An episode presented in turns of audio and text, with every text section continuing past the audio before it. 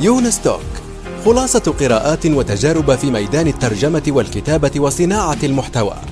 تأتيكم أسبوعيا في قالب مميز وشيق يقدمها الكاتب والمترجم يونس بن عمارة. الآن وفي الأسواق وعبر شبكات التواصل. رواية إفيانا باسكال للكاتب يونس بن عمارة.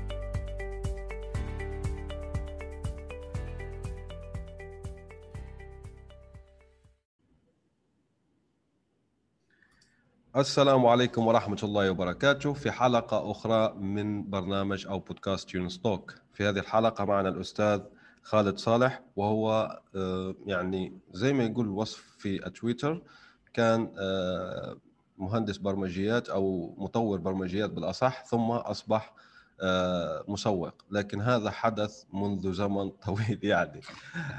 فأوكي فخلينا نعرفكم يعرفكم هو بنفسه. أستاذ خالد أهلا بك. أهلا أهلا. شكرا أستاذ يونس آه، على اعطائي هذه الفرصة. الله يخليك. حقيقة خلي خليني أحكي لك شوية عن عن تاريخي لأنه ال... ال... سبحان الله الإنسان يمر بمراحل بحياته. آه، الثانوية العامة تعرف إحنا في الوطن العربي الحلم الكبير لكل الآباء والأمهات دراسة الطب. صح. فأنا بدأت بدراسة الطب. آه، لكن بعد فصل واحد اكتشفت إنه أنا والطب ليس لنا علاقة البتة. أي نعم. Wow. ثم آه. ثم حولت إلى ال... ال... كانت فكرتي إنه أحول إلى دراسة دراسة الأعمال. أيضا تعرف نظرة ال... الآباء والأمهات إلى دراسة الأعمال إنه هي يعني الطلاب اللي يدخلوها ليسوا هم المتفوقين. فوالدي عارض وإن كان آه، الله يرحمه يعني ما ما ما, ما كان يذكر هذا كان يقول لي لا أنا ما عارضت. والله يا ولدي أنا أتذكر أنك عارضت. فانتقلت إلى أمريكا درست آه، الحاسوب وأثناء دراستي الحاسوب يعني خلاص الواحد قرر إنه يدرس الحاسوب ما حبيت دراسه الحاسوب نهائيا. آه، لكن خلصت شهادتي من هناك. بدأت بعمل الحاسوب وحقيقه يعني أحببت العمل جدا جدا جدا. يعني الفرق الكبير بين الجامعة هو كان نظري جدا إلى بعد الجامعة والحياة العملية أحببتها. وفجأة بين ليلة وضحاها تحولنا إلى التسويق وهذه قصة صار لها الآن 16 17 سنة. ما شاء الله. أيوه أنت يعني عندك كنز حقيقي من الخبرات صراحة يعني وأنا أدعو الجميع للاستماع. إلى هذه الحلقة والحلقات الأخرى. واضح أنك تشارك معارفك ما شاء الله عليك يعني. ممتاز. ويبينارات ومشاركات ومداخلات هنا وهناك. آه، آه، واضح ثراء الموضوع. طيب كيف انتهى بك آه، المطاف لشيكاغو ما دمنا دخلنا يعني في موضوع قصتك. أي نعم. يعني هي هي احد دروس الحياة. نرجع مرة ثانية. أنا عشت في السعودية قسم قسم جيد من حياتي بين العراق والسعودية. وأذكر الوالد كان يمزح إنه قال لي كان يقول لي خالد آه، يعني يتحدث عن نفسه إنه هو لما كان صغير كان يقول إنه يستحيل أن يعيش في مكان شديد الحرارة. فيقول الاقدار شاء الله أن يقضي حياته بين العراق والسعودية أماكن شديدة الحرارة. أنا كنت أقول إنه أنا يستحيل أعيش في مكان بارد. يعني هذه هاي كانت القاعدة عندي. إيه. آه، فشاء الله أن أقضي حياتي بين ديترويت وشيكاغو من من ابرد الأماكن. إيه, إيه، نعم. فحاصله الحمد لله رب العالمين. عرفت علي شلون الإنسان يعني وين ما كان وين ما كان رزقه يعيش فيه وما دام الأولاد متاح لهم فرصة للتعليم الحمد لله رب العالمين. صح. جدا. آه، طيب أنا سمعت مؤخرا آه، بودكاست يحكي فيه أعتقد ال NPR جابوا مدير ال MailChimp وحكى قصته okay؟ فأنا لفت انتباهي شيء راح أطرحه عليك. هو قال أنه لما حدثت الفقاعة تبع الدوت كوم آه، تحطمت أماله وصرف يعني من العمل في الشركة التي كان يعمل فيها. بعدين كذا أنت فين كنت لما حدثت هذه الفقاعة وما كان شعورك هناك؟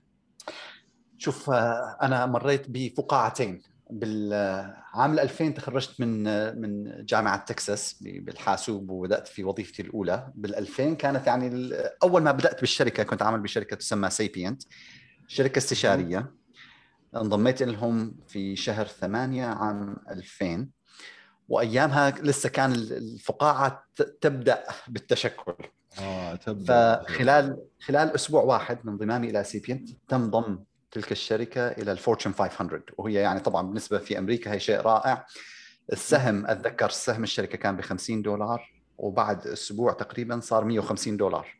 واو. يعني فإحنا تخيل طبعا أعطونا أسهم وهو هكذا طريقة عملهم إنه يجيبوا طلاب من الجامعة متخرجين من الجامعة يدخلوهم.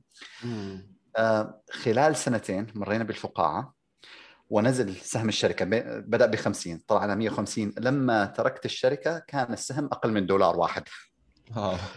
اي نعم فيعني أنا شفت هذه ال- هذا يذكرني يعني بالعمولات آه، تبع دوج كوين وغيرها يعني حاليا يعني. فبتزيد. تزيد وبعدين تنزل سبحان الله. ف يعني بس سبحان الله يعني الله يسر إنه ال- المشروع اللي كنت أعمل عليه في مع مع سيبيانت وكان فريق ضخم حوالي 50 مهندس في أمريكا وعندنا حوالي 60 70 مهندس في آه، الهند. أيوه. وحقيقة كانوا يحاولوا يسلموا المشروع اشتغلوا على هذا المشروع كان مشروع حاولت IBM إنه تسلمه حاولت Deloitte إنه تسلمه. من ال 96 عمالين يحاولوا يسلموه وكل مرة تاخذه شركة استشارية تفشل. ومع Sapient نفس الوضع أيضا كان الوضع سيء. 120 130 مهندس وما كان يبدو. فأذكر أجانا مدير مدير المشروع من تكساس من العميل وقال يا شباب هذه يبدو المشروع ليس جيدا. بدي أختار ثلاث مهندسين.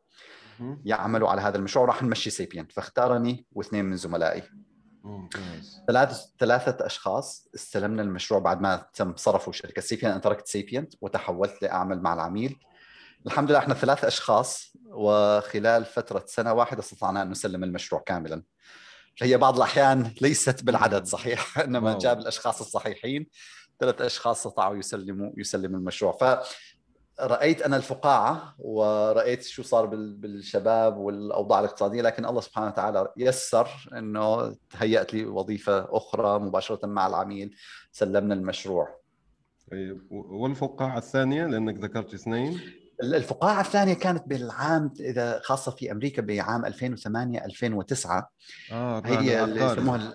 العقاري. لكن هذا طبعا أثر على على على الجميع. جميع فعلا صح.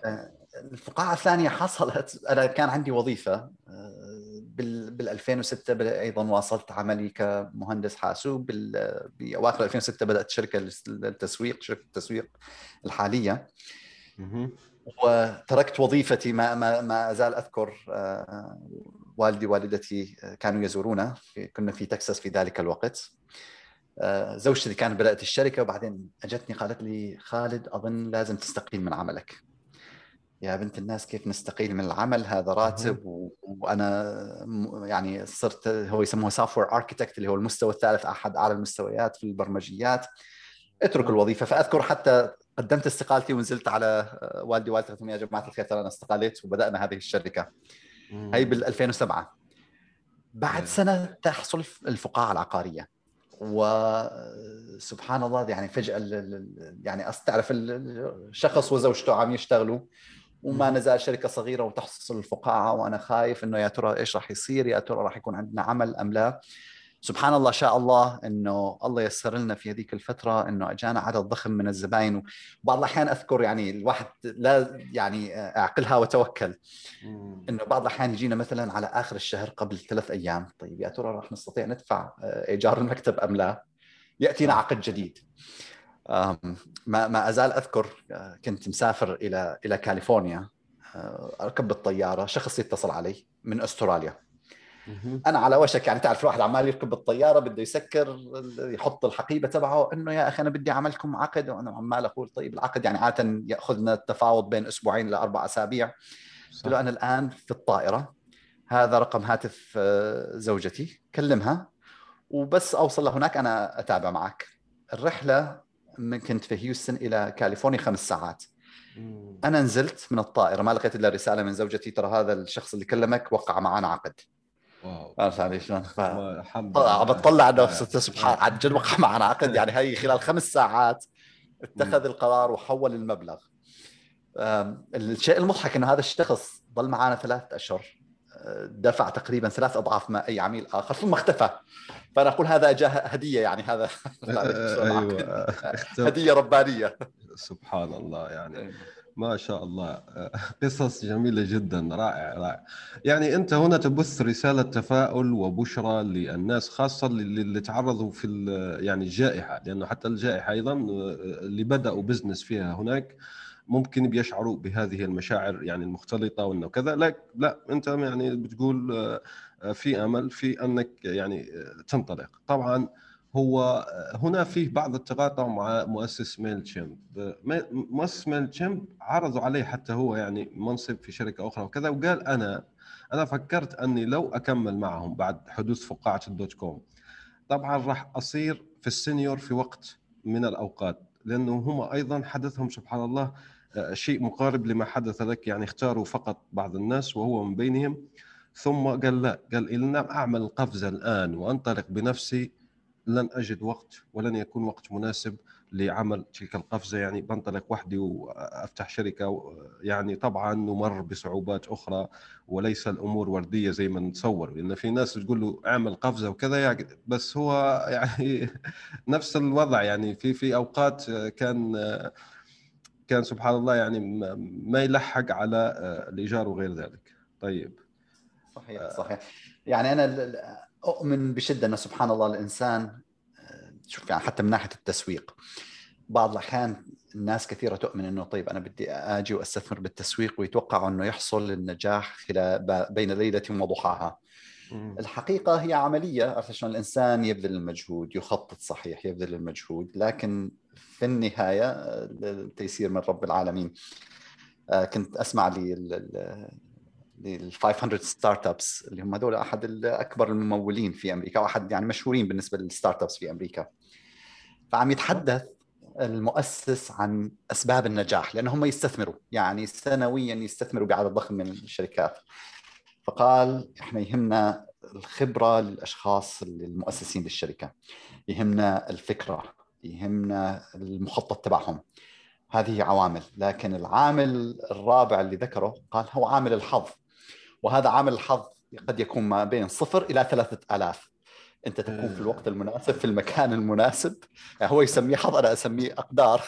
صح. أنه الإنسان تتيسر له الأمور. وقال هذا ما, ما يستطيعوا يحسبوه. قال بعض الأحيان تكون الفكرة رائعة جدا لكن ما تنجح. يأتي شخص آخر بعد سنوات يأخذ نفس الفكرة يطبقها يكون الوقت مناسب. الأوضاع ملائمة وتنطلق تنطلق الفكرة. صحيح. يعني وهذا ما يقوله بعض آه، الناس في في في موضوع الحظ. يعني آه أنه فعلا في لأنه معظم في حكمة رياضيه بتقول معظم الأفكار الجيدة الشركات الجيده هي في الحقيقة أفكار غير أصيلة زي فيسبوك زي غيرها. فيها فيها بعض. يعني حتى أخيرا قرأت أنه حتى اليوتيوب نفسه كان قبله يعني بعض المنافسين موجودين للأسف فشلوا لعدة أسباب. يطول شرحها طيب خلينا ندخل الآن يعني في موضوع التسويق آه، في الحقيقة. يعني أنت ذكرت مع الأستاذ لويس في آه، في بودكاست اسمه الجميع يكره المسوقين. خلينا نبدأ من هذا. ليش الجميع يكره المسوقين أول شيء يعني؟ لأنه الانطباع لدى الكثيرين أن المسوقين يأخذوا شيء زائف ويزينوه للناس. صحيح. وبعدين للأسف الكثير من التسويق هو عبارات رنانة ليس لها واقع بالحقيقة أنا دائما أضحك إنه المسوقين دائما يقولوا عبارة إنه ركز على المستهلك ركز على المستهلك آه، لكن ما معنى التركيز على المستهلك؟ إيش معنى هذا؟ لما تبدأ تسأل أسئلة طيب خير إن شاء الله راح أركز على المستهلك، إيش معنى هذا؟ آه، لازم تتحدث مع المستهلك. طيب يا أنت يا شخص يا يا من تعمل بالتسويق كم من الأشخاص اللي يستخدموا المنتج تبعك عم تتحدث معهم إيش هي الأسئلة اللي عم تسألهم إياها؟ مت... كم قدرتك على إنه فعلا تسألهم أسئلة عميقة تساعدك في التسويق؟ كيف تستطيع أن تحل مشاكلهم؟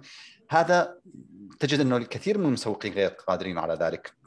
فهم عبارة عن يركزوا على القشور ولا يستطيعوا الدخول إلى أعماق السبب إنه شخص معين يتخذ قرار ليستخدم منتج معين ليحل مشكلة معينة في حياته.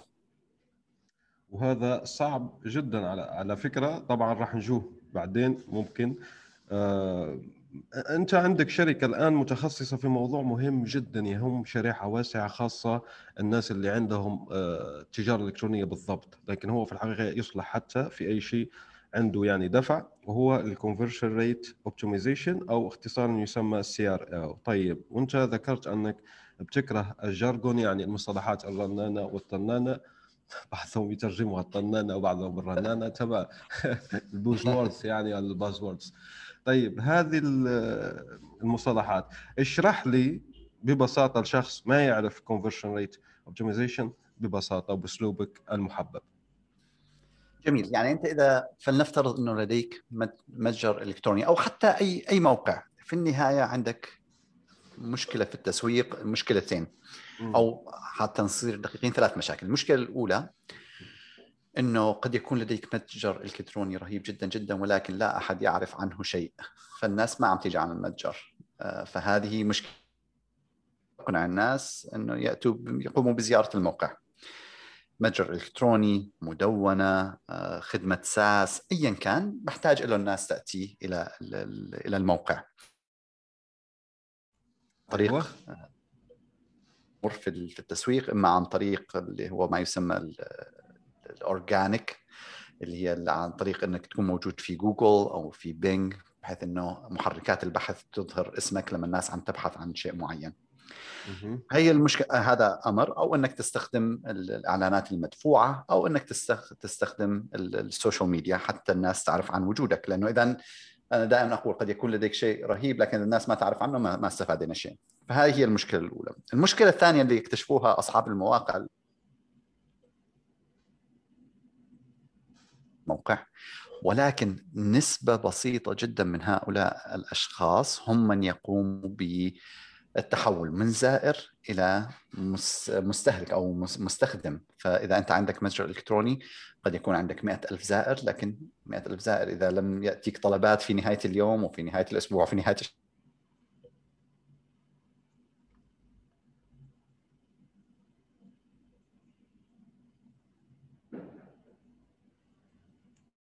الثانية وهذا هو تخصصنا.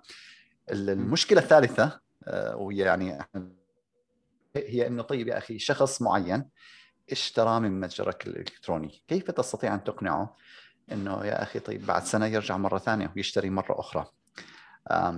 في عام 2001 أنا كانت عندي هواية الغطس. فرحت اشتريت تعرف الواحد طيب خليني أشتري ما كنت متزوج أيامها طيب خلينا نشتري أجهزة غطس وما إلى ذلك. في 2001 المتجر الإلكتروني اشتريت منه حط اسمي على القائمة البريدية تبعهم. وتقريبا كل أسبوع يبعثوا لي إيميل الجماعة. صار لي 20 سنة ما اشتريت من عندهم من عندهم مرة ثانية. وعمالين يبعثوا ال emails وعمال أطلع على ال emails. أنا طيب هذول ما خطر في بالهم إنه خالد خالد الصالح جالس في مكان ما ما يعرفه هو أنا وين جالس وعمالين نبعث له إيميل وما عمره خطر في باله إنه أصلا يفتح الإيميل. وخالد أيضا كسول ما إلى الآن ما عمل unsubscribe إلى الآن ما أيوة. تزال توصلني ال emails. يعني هذا هو مشكلة التسويق إنك كيف تلفت انتباه الناس كيف تقنعهم إنه يتحولوا إلى مستخدمين أو مشترين كيف تستطيع أن تقنعهم إنه يرجعوا مرة ثانية ويشتروا مرة أخرى. فعلا والمنتجات أيضا تختلف زي أنت ما حكيت. الشخص لن يشتري سرير كل يوم مثلا أو لن يشتري سيارة كل يوم. في منتجات يعني تختلف. فأنت ما يمكنك ممكن تبيع كماليات ممكن تبيع يعني إضافات إكسسوارات غيرها. لكن هو ما راح يشتري آه، منتج يعني غالي التكلفه أو هو أصلا يستخدم لفترة طويلة من الزمن يشتريه يعني كل مرة يعني. صحيح. هذا أيوه هذا موضوع مهم. تمام جدا. نعم. أعطينا وآسف عن المقاطعة. اعطيني أعطيني النسبة لأنه في ناس بيظن أنه آه، معدل ال conversion rate يعني ممكن يكون 20 30% وكذا. أعطيني أنت conversion rate يعني conversion rate يعني من عدد الزوار كم واحد يشتري من متجرك طيب أعطيني المعدل الطبيعي الآن. المعدل لغالب المواقع الإلكترونية اللي إحنا نعمل معها المواقع التجارية هو ما بين الواحد إلى 2% بما معنى إذا أنت عندك 100 زائر للموقع شخص أو شخصين فقط هم الذين يقوموا ب شراء وضع طلب أو شراء من من الموقع. مم. الآن طبعا هذا الرقم يختلف من موقع إلى آخر، الآن في نفس الوقت نعمل مع ال conversion ال conversion rate تبعهم هو 0.1 يعني من كل ألف شخص يأتيهم طلب واحد. طلب واحد. شلون؟ إي نعم. أيوه. في نفس الوقت وطبعا صاحب المتجر يعني هذا الأمر مضحك إنه صاحب المتجر هذا عمره 23 أيوة. سنة. صغير ما شاء الله. صغير ما يزال في الجامعة هو هو وشريكه بدأوا المتجر. وبداوا بدأنا بالعمل معاهم في شهر ثمانية السنة الماضية. اشتغلنا معهم فترة بعدين قلنا لهم يا جماعة خلصنا إحنا كل الشغل نستطيع لازم تركزوا على إنه تجذبوا المزيد من الناس إلى إلى الموقع. أيوه. خلصنا العمل بعد ثلاث أشهر اتصل هي في شهر اثنين شهر ثلاثة اتصل قال خالد لازم أتكلم معك خير إن شاء الله. بدأنا بمحادثة على الزوم. قال لي في شيء عجيب حصل. هم عادة مبيعاتهم بحدود يعني لا بأس بالنسبة لطالب جامعة. قال لي خالد اللي حصل معنا أنا متوقع لما لما عميل سابق يتصل إنه الأمور سيئة جدا. إيه.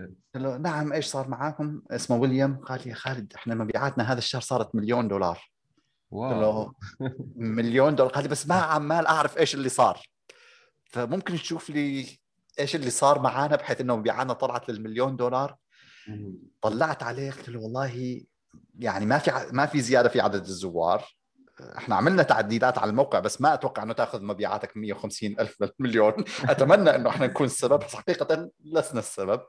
ما بعرف الناس فجأة بدأوا يطلبوا منك أكثر. هو بعض الأحيان يعني الناس صاروا يعني يعرفوا الاسم أكثر.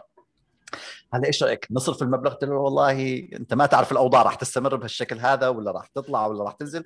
انتبه على المصاري الآن. ما شاء الله إلى الآن مبيعاتهم مليون دولار شهريا. wow. وهو ما يزال يتحدث إنه طبعا ال conversion rate تبعه ما يزال على 0.1 نفس الوقت تكساس ال conversion rate تبعه بالمئة. وصاحب إنه يا أخي 25% غير مقبول. قلت له والله إحنا نعمل مع شركة ال conversion rate تبعه 0.1 أفهم إنه يشتكي لكن أنت لما يكون الكونفرجن ريت تبعك 25% يعني من كل 100 شخص 25 شخص عمال يحطوا طلب هذا شيء رهيب كثير من الناس يتم يتمنونه. صح فعلا. آه والله يعني قصة ملهمة بالفعل. طيب. أنت قلت يعني في أهم شيء تنصح به المسوقين في حديثك يعني مع لويس هو آه تحدث لعملائك وتعلم الكتابة الإعلانية. طيب فصل لنا أكثر في هذه النقطتين. صحيح يعني أنا أرى إنه أفضل شيء سواء المسوق أو صاحب العمل ممكن يخدم نفسه فيه ويخدم آه، زبائنه فيه إنه يتحدث إليهم. الفكرة دائما اللي أنا أركز عليها إنه أنت تحاول بشكل متواصل وبشكل شهري مثلا تتحدث مع أربع إلى خمس أشخاص. الحديث معهم عادة حديث آه، تتحدث معهم لفترة مطولة 45 دقيقة إلى مدة ساعة فهذا حديث طويل. وعادة لما الناس تتحدث مع المستهلكين يقول لهم يا أخي كيف رأيك بالخدمة؟ إيش صاير معك؟ كيف نستطيع أن نحسن الخدمة؟ المشكلة إنك إذا سألت الشخص كيف تستطيع أن تحسن الخدمة؟ الإنسان نظرته محدودة. فدائما إحنا نقول لهم ما نسأل هذه الأسئلة إنما نسأل سؤال مختلف تماما مثلا شخص طلب منك طلب اشترى منتج معين قل له يا أستاذ فلان إيش كان عم يصير في حياتك في هذا اليوم في هذا الوقت المعين إنه قررت لازم أشتري هذا المنتج اليوم.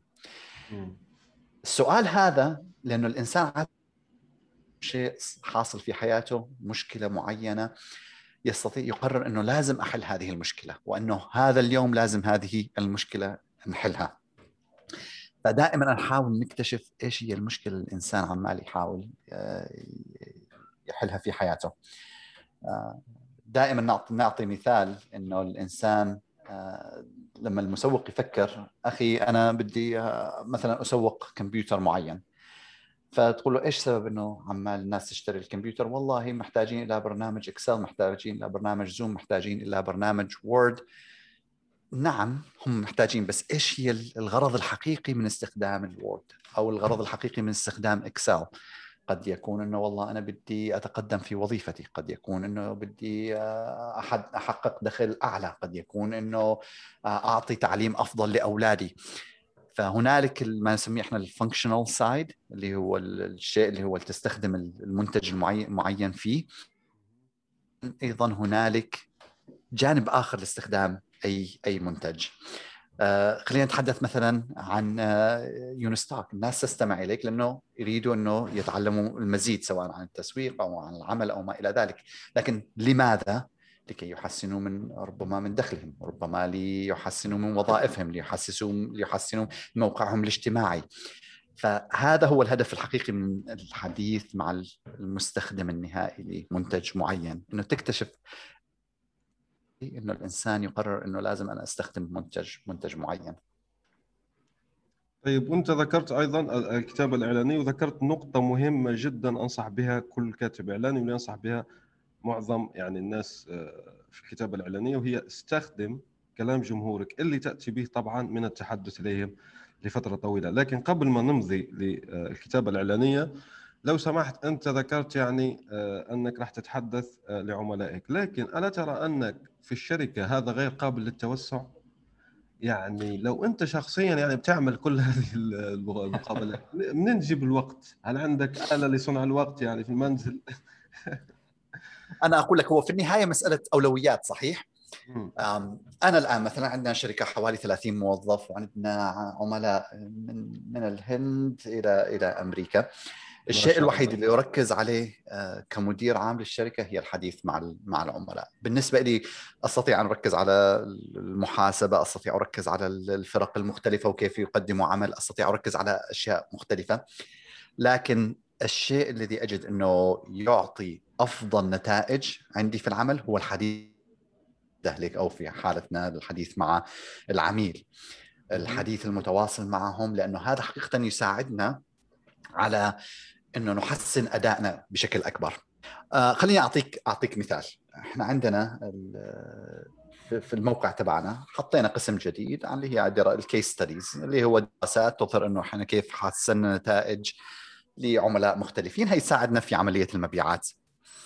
ولما تروح إلى هناك الناس تختار إما إنه حسب حجم الشركات حجم كبير حجم صغير حجم متوسط أو حسب الخدمة e-commerce SaaS أو lead generation فهذا اللي إحنا خطر ببالنا. فعمال اتحدث مع المس... مع عملائنا. قلت لهم إيش رأيكم بهذا القسم الجديد؟ قال يعني جيد القسم الجديد بس حقيقة إحنا كنا عم ندور على شيء مختلف، كنا ندور على إنه مثلا شركات عندها ميزانية محدودة. شركات مثلا عرفت علي شلون؟ تم شرائها من قبل شركات أخرى بعد ما اشتغلوا معكم فانا كان عندي تصور معين كيف إحنا نحط ال case studies المستخدم النهائي لقسم ال case studies عندنا في الموقع كان يفكر بأسلوب آخر. أعطيني أمثلة لشركات عندها ميزانية محدودة. أعطيني أمثلة لشركات تعمل في أمريكا. أعطيني أمثلة لشركات تعمل في العالم كله. آه يعني هذا اللي هو كان المستخدم تبعي يركز عليه. فأنا الآن قلت للشباب في الشركة يا شباب جميل إحنا كيف حطينا التصنيف؟ بس بدنا نحط تصنيف آخر لأنه هذا التصنيف الآخر هو طريقة بحث العملاء حقيقه عن ال case studies تبعنا. صح.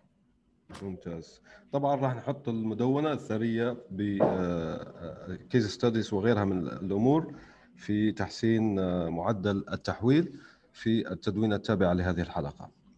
لنتحدث الآن عن تعلم الكتابه الاعلانيه كيف تأخذ يعني اللغة؟ طيب لو تكون لغة العملاء يعني عامية جدا وبسيطة جدا وكذا ينفع أنك تحطها يعني في لاندين آه، بيج يعني أو صفحة الهبوط كما تسمى؟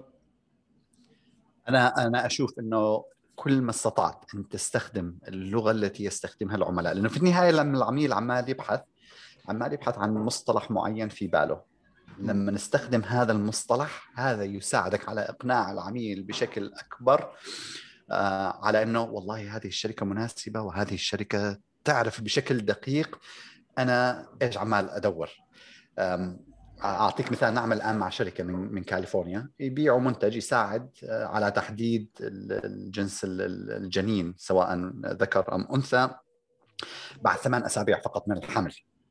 فحطهم المنتج تبعهم وحاطين أوصاف علمية لها أول ما ليس لها آخر كيف يصفوا المنتج تبعهم. طيب يا جماعة خلينا نتحدث مع المستهلكين ونشوف هذول المستهلكين كيف يصفوا المنتج تبعكم. حقيقة طريقة استخدام المستهلكين هم غالبهم النساء لوصف المنتج كانت مختلفة تماما عن الوصف العلمي المستخدم على الموقع وغالب المشترين للمنتج قالوا إحنا كنا عمالين نقرأ الوصف على اللاندنج بيج وما نفهم 90% من الكلام المكتوب. مبين عليه معقد ما عمالين نفهمه. لما قمنا بتغيير الوصف إلى لغة بسيطة جدا لغة حقيقة أخذناها من من كلام المستهلكين لقينا انه المبيعات ارتفعت يعني شهر وراء آخر المبيعات عمال ترتفع لأنه استخدمنا لغة أبسط. وهذا كان ضد رأي صاحب الشركة اللي هو أصلا آه، كان scientist عالم متخصص في علم الجينات إنه ما يصير يا جماعة وعمالين تقرروا تقللوا من قيمة المنتج تبعنا. طيب خلينا نجربها. نشوف إيش رأي المستهلكين. حقيقة المستهلكين أعجبهم الكلام البسيط أعجبهم اللغة أيوة البسيطة. ساعدهم على شراء المزيد من المنتج. آه، ذكرتني يعني أحيانا في المسلسلات الأفلام يعني لما بيجي عالم ويحكي هيك بالكلمات الصعبه بيقولوا له تكلم بالإنجليزية من فضلك يعني speak نعم. ذكرني بالنكتة إنه واحد آه، راح على راح على طبيب كيف الطبيب طيب أنا اكتشفت اكتشفت المشكلة اللي عندك.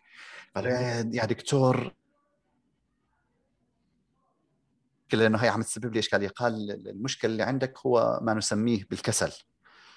فطلع عليه قال له طيب إيش هو الاسم العلمي اللي ممكن أستخدمه في الشغل؟ لكي تحدث يعني مبرر قوي. أي نعم شايف شلون ظريف فعلا. طيب آه عندي هنا يعني مكتوب بعض النقاط ممتاز جدا. أنت بتقول هنا أنك لازم نعرف ما هي طبعا ذكرت أنت في آه، كلامك مع لويس أنه لازم نعرف الحالة العقلية للشخص عندما اتخذ قرار الشراء. لكن شوف خلينا نأتي إليها بعدين لكي نمضي لأمور الآن عملية جدا. طيب في آه، نقطتين هنا أحب أن آخذ يعني خبرتك فيهما. أول شيء أنت قلت في حديثك مع لويس أنه لا يمكنني التحسين أو لا يكون التحسين في أفضل طرقه إلا إذا عندي 500 على الأقل مبيعة في آه، في الشهر بالنسبة للمتجر الالكتروني صح؟ صحيح. لأن هو أيوه أي نعم. خليني أقول لك إحنا لأنه طريقة التحسين إنه أنت لو كان عندك متجر إلكتروني أو أي أي موقع إحنا مثلا عندما نقول بتحليل الموقع وتحليل حركة الزوار للموقع نأتي ونقول عندنا مشكلة معينة هذا تصميم جديد يحل هذه المشكلة.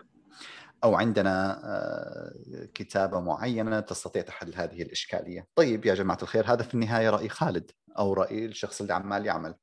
فدائما نقول لصاحب المتجر إنه يا أخي إحنا نستخدم برنامج معين فلنفترض إنه عندك مئة ألف زائر في الشهر.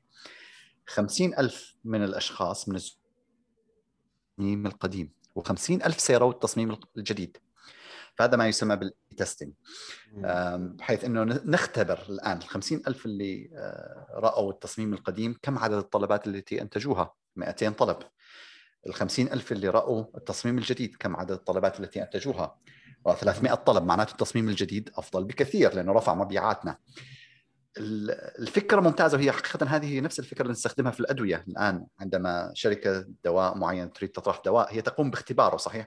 ياخذوا عينة معينة من الناس 30 أو 10000 أو 30000 أو 50000 ياخذوا الدواء معين. 50000 آه، ياخذوا دواء آخر ويقارنوا النتائج. نفس الفكرة في المتاجر الإلكترونية. المشكلة هنا إنه أنت تعتمد على علم الإحصاء كي تستطيع إنه فعلا بشكل دقيق تحدد إنه نعم هنالك ارتفاع في المبيعات. نعم هذا التعديل أو التصميم الجديد الذي قمنا به ساعدك على رفع المبيعات. حتى نصل إلى آه، شيء دقيق إنه فعلا صار هنالك ارتفاع في المبيعات. لابد يكون عندك عدد معين من الطلبات في الشهر. فهذا الطلب هذا العدد حقيقه هو على الأقل 500 طلب بحيث إنه تستطيع أن تقوم بعملية ما نسميه ال A/B testing إذا عندك فلنفترض 10 طلبات في الشهر تستطيع أن تحسن الموقع تستطيع أن تقوم بالقيام بتصميمات جديدة لكن آه، لا تستطيع القيام بعملية ال A/B testing فما يكون عندك ما تستطيع تستخدم علم الإحصاء للتأكد من إنه فعلا أنتجت آه، ارتفاع في المبيعات. ممتاز جدا. عندي شوف جمهور منهم مالكي متاجر آه، في السعودية بالأخص يعني متاجر إلكترونية في السعودية وفي بعض عندهم بالفعل 500 يعني مبيع شهرين وطبعا يريدون الحصول على مزيد. الآن هل أسعاركم يعني لاني الآن لما أنا دخلت شوف كشخص يعني اعطي لك تجربتي كشخص بشوف جرير بشوف كذا زي زي ما قال لك الشخص فأقول واو يعني طبعا راح يطلبوا مبلغ كبير جدا من المال. يعني هل هذا صحيح أم لا؟ يعني الشخص الآن هل يتقرب لك راح يتوقع آه، مبالغ كبيرة يعني وكذا ولا كم يعني الأسعار بشكل عام؟ فين آه، عفوا عيد لي السؤال انقطع انقطع الصوت شوية. آه، أيوه استاذي. آ- آسف يعني للأسف يعني نحن عندنا نتائج بكالوريا نعم الناس كلها عمال تدور. شفت. أيوه ف يا رب ينجح الجميع على كل حال. طيب آمين. هنا مثلا عندك شخص عنده متجر إلكتروني وفيه مبيعات ويريد التقرب آه، لشركتك بغرض تحسين ال conversion rate يعني معدل التحويلات. كم الأسعار نعم. تتراوح يعني؟ ماذا ماذا عليه أن يتوقع؟ يعني شوف أنا كتبت مقال آه، مؤخرا عن أسعار. كم يكلفك إنه تأخذ شركة متخصصة بال conversion بال conversion rate فأنا أقول دائما إنه تستطيع أن تدفع ما بين 2000 دولار شهريا إلى حدود 30 ألف دولار شهريا. يعني هذا هذا هو فرق شاسع جدا. ال- الشركات اللي هو يسمى توب تير أفضل شركات الكونفرجن ريت حوالي 10 شركات في العالم في العالم كله. هؤلاء تقريبا الأسعار عندهم تبدأ بحدود ال 8000 دولار شهريا وتصل إلى 30000 لأنه تعتمد في النهاية على تقوم بصرفها على مشروع معين. واو. آه، ال- ال- الشركات اللي هو متوسطة الأداء يعني هي عم نحكي شركات عندها خبرة حوالي خمس سنوات فقط عندها عدد محدود من المشاريع قد يستطيعوا على إنتاج يعني نتائج جيدة أو على تقديم نتائج جيدة لكن ليس لديهم الخبرة الشاسعة. هؤلاء تكلفتهم الشهرية من 4000 دولار إلى 6000 6000 دولار. الشركات الأصغر اللي هي عمال تقول طيب 500 دولار هذه شركات ربما ليس لديها الخبرة الكافية. فأنا مثلا إذا عندي ميزانية محدودة فلنفترض أن ميزانيتي يا أخي أنا 2000 دولار أو 3000 دولار بالشهر. نصيحتي لأصحاب المتاجر. إنه أفضل من إنه تأخذ شركة لأنه الشركة في النهاية عندها نسميه إحنا الاوفر هيد مدير المشروع والمصمم إنه تجد شخص متخصص في هذا المجال. هنالك أشخاص أدائهم رائع جدا جدا. وبالنسبة لهم باعتبار إنه شخص يعمل ب ب يعني بنفسه آه، ك freelancer. هذا شخص ب 3000 دولار قد يستطيع أن ينتج شيء ممتاز بالنسبة لك، لن يكون بنفس إنتاج شركة لديها فرق ضخمة وعدد ضخم من ال ال من ال الأشخاص، لكن هو شخص أيضا يستطيع يركز على متجرك ويعطيك نتائج ممتازة. حلو جدا. طيب أنا عندي الآن آه، صديق وعنده ميزانية لل SEO وعنده ميزانية ل آه، طبعا ال CRO هذا conversion rate optimization تحسين آه، تحويل. أيهما الأولى؟ أيهما الأولى الآن؟ هو راح يصرف راح يصرف يعني. فين يصرف؟ افضل لك يعني أنت من وجهة نظرك. دائما يعني أنا 70% من الشركات التي تأتي إلينا تقول عندنا مشكلة في في ال conversion ليس لدينا عدد جيد من من الطلبات. دائما أقول لهم في 70% من الحالات مشكلتهم ليست مشكلة CRO ليس ليس بعد. أقول لهم ركزوا على جذب مزيد من الأشخاص إلى المتجر آه، تبعكم. بما معنى تستط... لابد أن تواصل على ال SEO ممكن إذا عندك الإعلانات المدفوعة بحيث إنه تصل إلى 500 أو 600 طلب في الشهر. آم، هذا ما تريد أن تصل إليه، متى ما وصلت إلى ذلك ال- إلى هذا المستوى؟ تستطيع أن تقول طيب الآن أريد أن أركز على ال CRO قبل ذلك لا نصيحتي لا اجذب مزيدا من الأشخاص لأنه في النهاية الشركة اللي تعمل في مجال ال CRO بحاجة إلى تحليل حركة الزوار حول الموقع، إذا ليس لديك عدد كافي من الزوار، ليس لديك عدد كافي من الطلبات، حقيقة هم لا يستطيعون استخدام المعلومات لكي يقرروا وين المشكلة في الموقع، إيش هي الأشياء اللي لازم أركز عليها، إيه- إيش هي الأشياء اللي لازم أصلحها في الموقع. طيب وجذب الناس. هنا نتحدث اللي عنده البادي جديد أصلا. هل يستخدم يعني الطرق التقليدية؟ بيكتب مثلا محتوى بيمسك كلمات عبر آه، كلمات مفتاحية يعني بيتعامل مع المؤثرين. كيف يسوق بالضبط يعني؟ باختصار طبعا. أي نعم هذا يختلف من مكان إلى آخر آه، حقيقة. يعني أنا ذكرت لك هذه شركه الشباب اللي هم ما يزالوا في الجامعة هم تركيزهم عن طريق المؤثرين.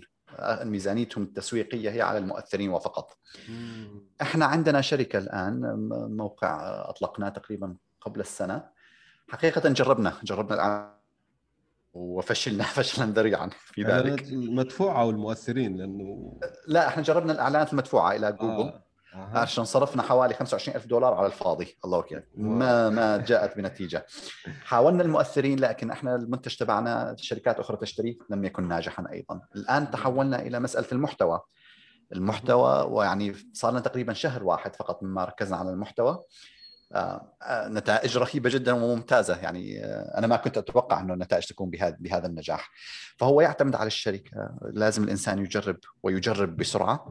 تجربة سريعة لمدة شهر إنه طيب خليني أنا ممكن أركز على المؤثرين ممكن أركز على المحتوى ممكن على الاعلانات المدفوعة. ممكن على كتابة كما ذكرت كتابة المحتوى. أشوف إيش اللي عم ينتج. نعم هذا يعني هنالك بوادر أمل في هذا. اذا أنا أستثمر المزيد فيه. صح. لكن شوف الفرق بين المحتوى آه، والتسويق بالمحتوى والمؤثرين. هو انه المؤثرين زي أنت ما حكيت بيعطي لك دفعة فقط في فترة زمنية قصيرة من الوقت. لكن المحتوى خاصة لو كان أخضر يعني دائم الخضرة green evergreen راح يكون آه، زي ما نقولوا آلة جذب دائمة مستمرة. أنت ذكرت مثلا في حديثك مع لويس آه، تلك الوكالة التسويقية الممتازة CLX أعتقد هذه عاملة عمل رهيب من ناحية التسويق بالمحتوى. يعني مدونتهم مليئه جدا ب رهيبين. أنا أذكر لك قصة هيك ظريفة على CXL. هم بدأوا بال 2010 آه، وإحنا كنا صار لنا تقريبا شغالين من 2006 ما زال أذكر إنه أجاني مدير المبيعات تبعنا قال لي خالد في شخص عمال يبحث عن عن مشروع ويبحث عنه وهو عم يتحدث مع كذا شركة CRO قلت له طيب خير إن شاء الله. قال لي عم يتحدث مع الشركة الفلانية الشركة الفلانية CXL قلت له CXL ايامها ما كان في شركات كثيرة في أمريكا تعرض الخدمة. أيوه. شفت الموقع تبعهم قلت له لا لا CXL صغيرة ما يهمك. ما لا يعني لا نبالي بهم. خلال الآن 2021 أقول لك CXL عن طريق التسويق عن طريق المحتوى هي الشركة الأولى يعني يأتيهم إلى موقعهم 300 ألف زائر شهريا wow. عن طريق الموقع. إحنا الآن آه، حقيقة إنه هذا يعني أنا أهملت التسويق عن طريق المحتوى. كنا نعمل بشكل ممتاز. عدت فترة حوالي ثلاث سنوات أهملته إلى حد ما. رجعنا ركزنا عليه من ال... حوالي مئة ألف زائر آه، إلى الموقع بحيث إنه الناس وهذا يساعدنا كثيرا إنه الناس تعرف إنه طيب CXL معروفين جدا معروفة جدا. بقية الشركات في المجال اللي إحنا نعمل فيه غير معروفة لا, لا تنتج على نفس المستوى. فالشركة اللي بعدنا ياتيهم حوالي 20000 زائر. هذا الضغط يعني يدلك على الفرق بين شركة ما يأتيها أي زوار شركة يأتيها 20000 زائر شركة يأتيها 100000 زائر شركة يأتيها 300000 زائر شهريا. ممتاز جدا. يعني كملخص أنت بتجرب عدة طرق للتسويق جذب منها التسويق بالمحتوى التسويق بالمؤثرين والإعلانات المدفوعة واللي تزبط معك بتغير استراتيجيتك وفق يعني آه، النتائج التي خلصت إليها. ممتاز جدا. صح. أنت ذكرت نقطة مهمة جدا واللي راح نختم بها طبعا وأشكرك لوقتك واللي هي اننا قلت كلمة صراحة عظيمة جدا يعني ضربة وتر. ممتاز. في قلبي يعني أنا نشتري نحن البشر نشتري بالمشاعر والعواطف والانفعالات ثم نبرر بالمنطق. يعني نتخذ القرار بناء على الشعور ثم نبرر ليش اشترينا مثلا هذا؟ ليش اشترينا بالمنطق؟ فصل لنا أكثر في هذه النقطة يعني. لأنه أعتقد أنه خلاصة فعلا مهمة جدا في الموضوع.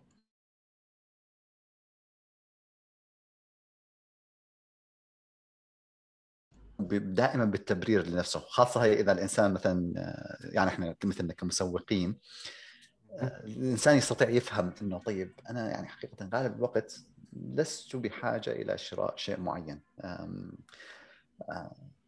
كنا بزيارة لأخ زوجتي وما شاء الله محامي كبير في كاليفورنيا.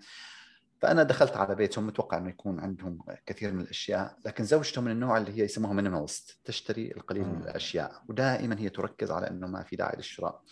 لما رجعنا للبيت فتحت الثلاجة والله إحنا عمالين نشتري كومة أشياء يعني ما لسنا بحاجة إليها وللأسف بهذا السبب عمال أيضا يعني نرمي الكثير من الأشياء أيضا. إيه. لأنه أنا كان دائما عندي حاجة إنه عندي قدرة لازم أوفر شيء للأولاد لازم الثلاجة تكون مليانة. وإن كان غالب الأشياء ممكن تروح للاسف يعني يتم إلقائها في في النهاية. السبب إنه كنت أظن عن طريق الشراء أصلا وكنت اعلل ذلك يعني هذا هو السبب العاطفي. لا نحن قادرين نشتري نشتري. فانتبهت على هذه النقطة إنه دائما الإنسان لازم يدرك إنه هنالك دائما مشاعر معينة. لازم الإنسان يكون صادق مع نفسه.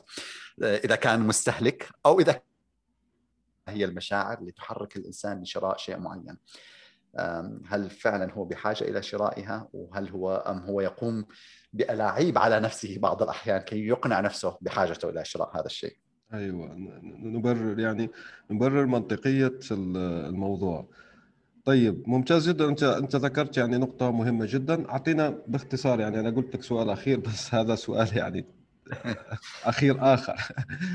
هو أنك هل تشوف فعلا أن مناهج الشراء الأخلاقي وزي ما يقولوا الاقتصاد الأخضر والاقتصاد الدائري وكذا وكذا هل فعلا عفوا أستاذ يونس عيد عيد السؤال عيد السؤال أوكي تمام. هل شوف في الآن عدة توجهات يعني البيئة والحفاظ على البيئة والناس أصبحت آه، تشتري اخلاقيا يعني زي في ethical ethical purchasing أو شيء من هذا القبيل. يعني. آه، هل ترى أن فعلا آه، لديها تأثير حسب خبرتك والشركات اللي تعمل بها؟ هل فعلا في ناس واعيين بيئيا ويبنوا قراراتهم؟ مثلا أنا راح أشتري تلك مثلا القنينة المصنوعة من شجر البامبو. ليش؟ لكي لا أستخدم بلاستيك مثلا. هل نعم، هذا جميل. حادث أم لا؟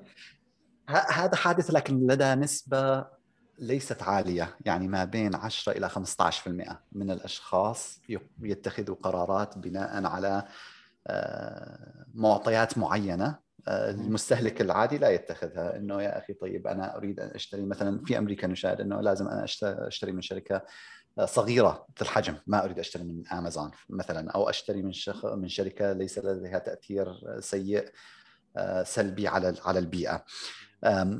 حقيقه يعني وكلما عاد حجم المنتج والمبلغ اللي يتطلبه المنتج كلما قلت هذه النسبة.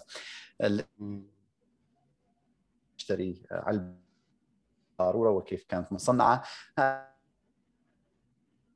قرر سعرها دولار يستطيع اتخاذ هذا القرار. لكن نفس الشخص تعطيه قرار اشتري سيارة هذه تكلفتها 80 ألف دولار ولكن تأثيرها على البيئة يعني خفيف جدا أو بسيط. هذه سيارة قيمتها 25 ألف دولار تأثيرها أسوأ. تتغير الحسبة. لأنه الآن هذه العوامل تؤثر على الجيب أكثر صح؟ تؤثر على دخلك أكثر. فتجد أن النسبة تقل كلما زاد حجم حجم أو سعر السلعة التي يشتريها الإنسان. طيب كان الحديث معك ممتع جدا. في طبعا كثير جدا من الأسئلة للأسف يعني لم آه، نلحق عليها. لكن إن شاء الله أنا راح أطلب منك لقاء آخر بإذن الله في مستقبلا ونتحدث عن الكثير جدا من المواضيع خاصة يعني في تخصصك واللي هو تحسين آه، معدلات التحويل في المتاجر الإلكترونية. أشكرك جزيل الشكر أستاذ خالد وأتمنى أنكم استفدتم. وإلى اللقاء. نلقاكم إن شاء الله في الحصة المقبلة بإذن الله. سلام. شكرا أستاذ يونس. شكرا أستاذ يونس. الآن وفي الأسواق وعبر شبكات التواصل. رواية إفيانا باسكال. للكاتب يونس بن عمارة.